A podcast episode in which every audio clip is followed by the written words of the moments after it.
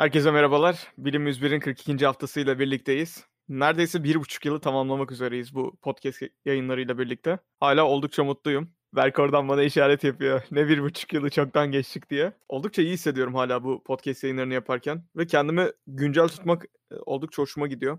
Yeni ne gelişmeler oldu diye. Sözü sana uzatıyorum Berk. Türk lirasının finansal değerinden daha sabit ilerliyor podcast'imiz stabilite açısından ama zaten onunla yarışabilecek çok şey olduğu için onu bir referans değeri olarak görmüyorum. Benim ilk anlatmak istediğim şey aslında yürüme rotası. Kendim de böyle yapıyorum. Bunun farkındayım. Siz de düşündüğünüzde aslında böyle olduğunu düşünebilirsiniz. Bir çalışma yapmışlar ve çalışmaya göre aslında insan beyni A noktasından B noktasına böyle en optimal bir şekilde ulaşmaya çalışırken aslında bizim o en optimalimiz en optimal olmuyormuş. Araştırmada böyle Google Maps'i kullanmışlar. Birkaç navigasyon yazılımlarını, uygulamaları, akıllı cihazlardan elde edilen verilerle insanların kendi yürüdükleri rotalar incelenmiş ve bunlar haritalandırılmış. Kafamızda bir hedefi belirledikten sonra aslında biz dik bir şekilde bulunduğumuz konumdan oraya doğru gitmeye çalışıyoruz. Yani kafamızda kuş bakışı bir çizgi çiziyoruz ve o çizgi boyunca ilerlemeye çalışıyoruz.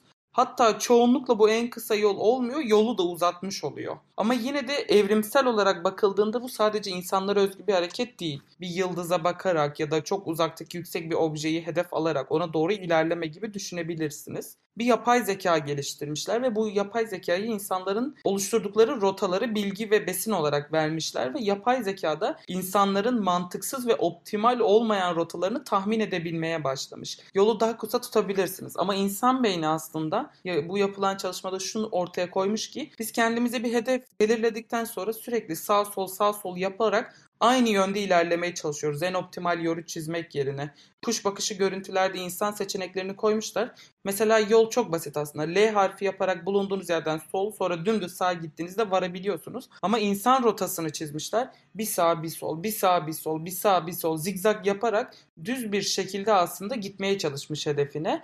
Ve bu yolu bir buçuk iki kat hatta neredeyse uzatmış ve yokuş çıkılmasına sebep olmuş babamın sürekli söylediği bir Türk atasözü vardı bana. En kısa yol bildiğin yoldur diye. Yani aslında böyle bir şey değil bu. En kısa yol tabii ki bildiğimiz yol değil ama kafamız bu şekilde işliyor.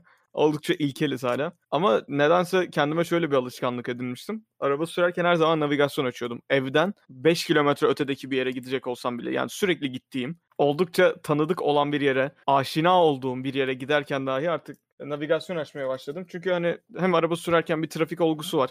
Bunu aşmamız gerekiyor ve hani ben sonuçta geleceği göremiyorum. Google Maps bu konuda çok yardımcı oluyor. Hem de bana tuhaf rotalar öğretmeye başladı. Gerçekten de çok kısa rotalar öğretebiliyor. Google Maps'in gördüğüm kadarıyla bir tane sıkıntısı var. Henüz tam olarak yokuş algılayamıyor. Yani benim düz olarak bildiğim bir yolu Google bana daha kısa bir yol gösteriyor. Ancak o rota üzerinde yokuş, iniş ve çıkış var. Henüz bunu tam olarak çözmüş değil. Araba sürerken bu çok büyük bir sorun olmuyor. Ama yürürken ya da bisiklet sürerken her zaman Google Maps'e uymamak aslında çok da fena bir durum değil bu haftanın ikinci bahsetmek istediğim haberi yapılan bir çalışma şunu gösterdi. Cinsiyet değiştiren insanların %55'inin ya da cinsiyet değiştirmeyi düşünen ve buna dair bir terapi alan insanların %55'inin yeterli bilimsel ve medikal destek görmediklerini belirtmişler. Cinsiyet değiştirmek isteyen bireylerin %24'ü bunu açık açık doktorlarıyla konuşamamış bile. Ve burada şeyden bahsetmiyorum. Kişi X doktora gider vesaire değil. Gerçekten hormon terapisini yapacağı endokrinoloğa ya da işte iç hastalıkları uzmanına bunu rahatça açıklayamamış. Doktora gidiyor. Ben şu şu şu ilacı almak istiyorum diyor. Estradiol'u almak istiyorum diyor. Andropojen bilmem ne faktörünü almak istiyorum diyor. Ama doktora açıkça şunu söyleyemiyor. Ben şöyle bir bireyim. Kendimi şöyle hissediyorum. O yüzden şöyle bir tür ilaç kullanmak istiyorum. Bana bu konuda yardımcı olabilir misiniz diyemiyorlar. Ki bununla alakalı tuhaf olay şu. Yani biz Türkiye'den, Hindistan'dan bahsetmiyoruz. Bu veriler Amerika'dan geliyor. Gerçi Amerika çok gelişmiş bir ülke değil kafa yapısı olarak. Yine de Amerika'da dahi bireylerin %24'ü doktorlarıyla bunu açık açık konuşamıyorlar. Bu bana açıkçası şu soruyu doğurdu daha çok. Gerçekten hormon terapisi gerekli mi? Hormon terapisi kişi gerçekten istiyorsa gerekli olabilir. Ancak eğer toplumun mükemmel olduğunu düşünürsek, çok açık olduğunu düşünürsek, herhangi bir tabusunun gerçekten de gerekli mi onu tam olarak bilmiyorum açıkçası ve bu konuyu da birazcık konuşmak istiyorum. Kişiler yaşamlarıyla mutlularsa ve kendi bulundukları cinsiyet tanımıyla bir şekilde mutluluk sağlayabiliyorlarsa, bu arada konuyu çok bozmak gibi olacak ama Berk bana kolonya gösteriyor. İkimiz de yurt dışındayız. Ben kolonya arıyorum. Bulamıyorum. Çok pahalı daha doğrusu. Neyse konuya tekrardan geri döneyim. Optimal bir toplumda insanlar acaba bugünkü kadar hormonal terapi görürler miydi onu merak ediyorum. Hatta buna çok benzer bir Netflix dizisi vardı. Konuyu çağrıştıran. Çok benzer demeyeyim de. Bu bir toplumda yaşıyorlar. Toplumdaki herkes queer denilen neredeyse herkes daha doğrusu. Ve şey toplum hani bunu bu şekilde kabul etmiş. Eğer toplumda herhangi bir cinsiyet kalıbı algısı olmasaydı insanlar yine hormonal tedavi kullanırlar mıydı bunu merak ediyorum. Benim kişisel görüşüm şöyle olur. Cinsiyetçi olun olmayın size biri erkek ya da kadın dediğinde kafanızda standart bir karakter oluşuyordur. Kadın dediğinde elbise giyiyordur, etek giyiyordur, saçı uzundur. Erkek dediğinizde işte daha kıllıdır, sakalı vardır. Ama birey geçiş dönemindeki trans birey bulunduğu fiziksel bedeninde kendini rahat hissediyorsa ben sakal istiyorum, ben şunu istiyorum, ben daha maskülenitesi fenotipe yansımış özellikler istiyorum. Şu an hala kendi bulunduğum bedende tatmin değilim diyorsa hormon tedavisi ya da hormon desteği diyelim. Tedavi denilmesi de belki kelime kullanımı açısından doğru olmayabilir politik açıdan bu konu üzerinde. Hormon desteği tabii ki kişi istiyorsa yapılmalı. Ama kişi ben dişi olduğunu, doğuştan fiziksel, biyolojik olarak dişi olduğunu söyleyelim ve erkek olduğunu keşfediyor ve erkeğe dönüşüm yapmak istiyor. Eğer bu birey göğüslerini aldırdıktan sonra ve saçını kestirdikten sonra kendini erkek olarak tanımlamaya devam ediyorsa ve erkek olarak görüyorsa ve şu anki bedeninde mutluysa ve hormon desteği istemiyorsa almak zorunda değil. Bu tarz hormon parantez içerisinde hormon tedavileri, hormon terapileri, hormon destekleri aslında bu trans bireyleri ya da cinsiyet değiştirmiş bireyleri toplumsal cinsiyet kalıplarını aslında oturtmak için yapılmış. Eğer toplumda bir bireyin kendini erkek olarak tanımlaması ama bir kadın olarak gözükmesi dışarıda sorun oluşturmuyorsa ki sorun oluşturmamalı zaten ve bu bireylere karşı bir ayrımcılık yapılmayacaksa hiçbir şekilde gerek yok. Yani aslında tamamen %100 değişim geçirmiş ya da dönüşüm geçirmiş bireyin nasıl hissettiğine bağlı. Burada önemli olan şey birey, toplum değil. Ama çoğunlukla bu tarz standartize edilmiş prosedürler bazı toplumsal olarak kabul görmüş standartlara oturmak için yapılıyor. Çünkü zaten şu an insanlar ilk başta bazı etiketler oluşturdu. İşte gay, lezbiyen, biseksüel, aseksüel, transseksüel, o tarz bu tarz.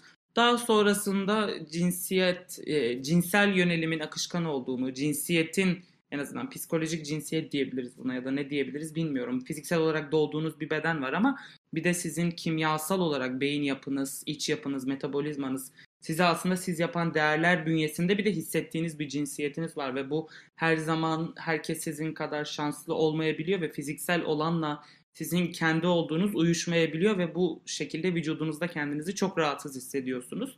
Bu bireylerin tanımlamasında artık daha akışkan cinsiyet kavramı kullanılıyor günümüzde. Mustafa'nın da dediği gibi queer kullanılıyordu. Artık daha çok non-binary, ikili olmayan, kadın erkek dışı bir tanımlama kullanılıyor ve çoğu gelişmiş ülkede zaten aslında cinsiyet sorarken ki sormamaları gerekiyor çoğu başvuru veya da herhangi yasal bir sayfada kadın erkek ya da non-binary ya da diğer opsiyonunu veriyorlar artık size istediğiniz tanımlamayı yapabilmeniz için.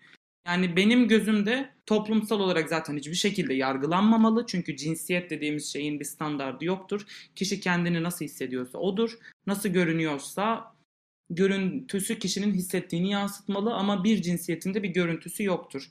Evet şimdi ben de hücrelerle ilgili bir haberden bahsedeceğim. Şimdi ırkçı olmaya çalışmıyorum ama genellikle bunu Asyalılarda gözlemledim. Bazı insanlar diğer insanlara kıyasla daha genç duruyorlar.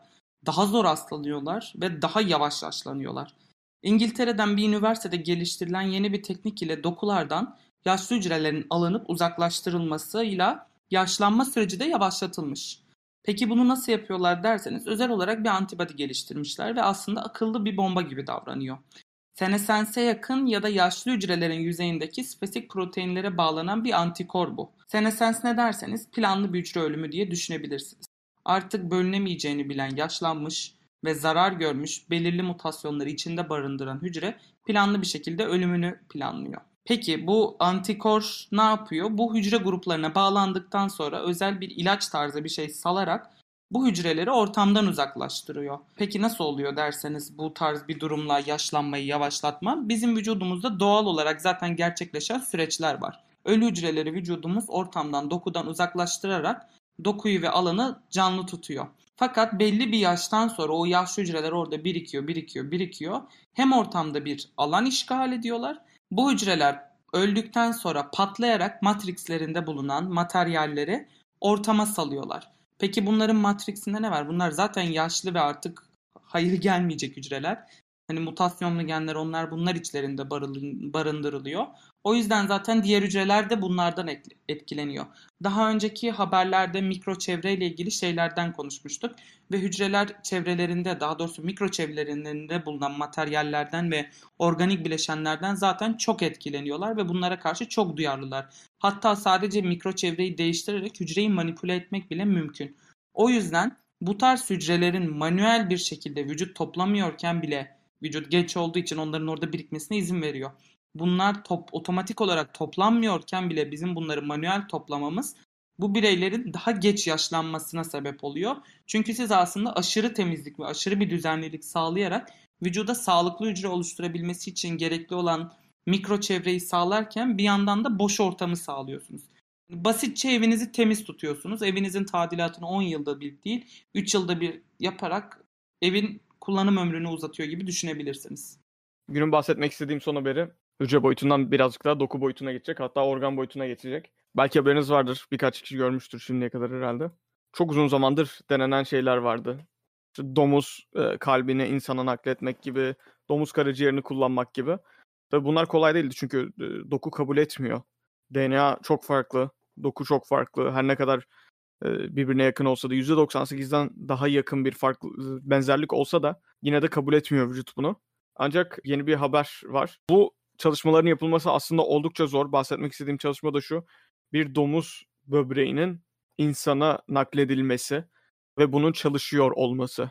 Çalışmanın sonucu bu şu anda gördüğümüz kadarıyla. Yaklaşık iki gün kadar süreyle domuzun böbreği insan vücuduna takılı kaldı. Takılı kaldı diyorum çünkü canlı bir organizma üzerinde yapılamadı bu. Ölen bireyler, kadavralar üzerinde yapılıyor. Herhangi bir kadın ya da erkek olduğunu bilmiyoruz. Sadece ölen bir insan ailesinin izni alındıktan sonrasında kendisinin de bir organ bağışçısı olduğu biliniyor. Organlarının bağışlanamayacağı görülüyor. Çünkü medikal olarak iyi durumda değiller. Tüm vücut bir kadavra olarak ya da bir bilimsel çalışmada kullanılabileceğini fark ediyorlar. Ve bu çalışmaya da uygunluğu görülüyor. Şöyle yapıyorlar. Domuz böbreğini tabii ki de alıp direkt yerleştirmiyorlar. Özel şekilde yetiştirilmiş bazı domuzlar üzerinde yapılıyor bu çalışma. DNA çalışmaları yapılıyor. Genetik mühendislik yapılıyor bunlar üzerinde. Bu, bu böbreklerin gen gruplarından eksik olması ya da çeşitli gen gruplarından fazlalık oluşturması sağlanıyor. Ve bununla beraber bu yetiştirilmiş böbrek bir in vitro çalışma şeklinde insan vücuduna takılıyor adeta. Her ne kadar birey ölü olsa da belirli makinelerde yaşatmaya devam ediyorlar ve kan damarlarını domuzdan alınan böbreğe bağlıyorlar. İki günün sonunda yeterince süzdüğü ve filtrelediği gözüküyor. Gerek üreyi gerekse de kanda bulunan toksik maddeleri.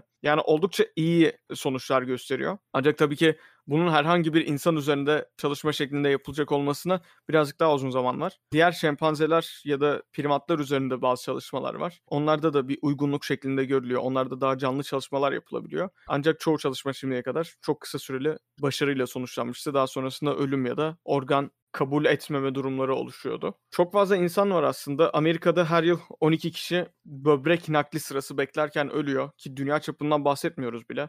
Amerika nispeten gelişmiş bir ülke. Diyaliz seçenekleri var. Bu tarz bir durumda organ nakli beklemek yerine acaba özel çiftlik hayvanları yetiştirme gibi durumlar olacak mı diye düşünüyoruz. Böbrek nakli için yetiştirilmiş hayvan kalp nakli için yetiştirilmiş hayvan. Bunun gibi kavramlar ortaya çıkabilir ileride. Sanırım bahsetmek istediğim her şey aslında bu kadar bu konuya dair. Bizi dinlediğiniz için teşekkür ederiz. Haftaya görüşmek üzere, hoşçakalın.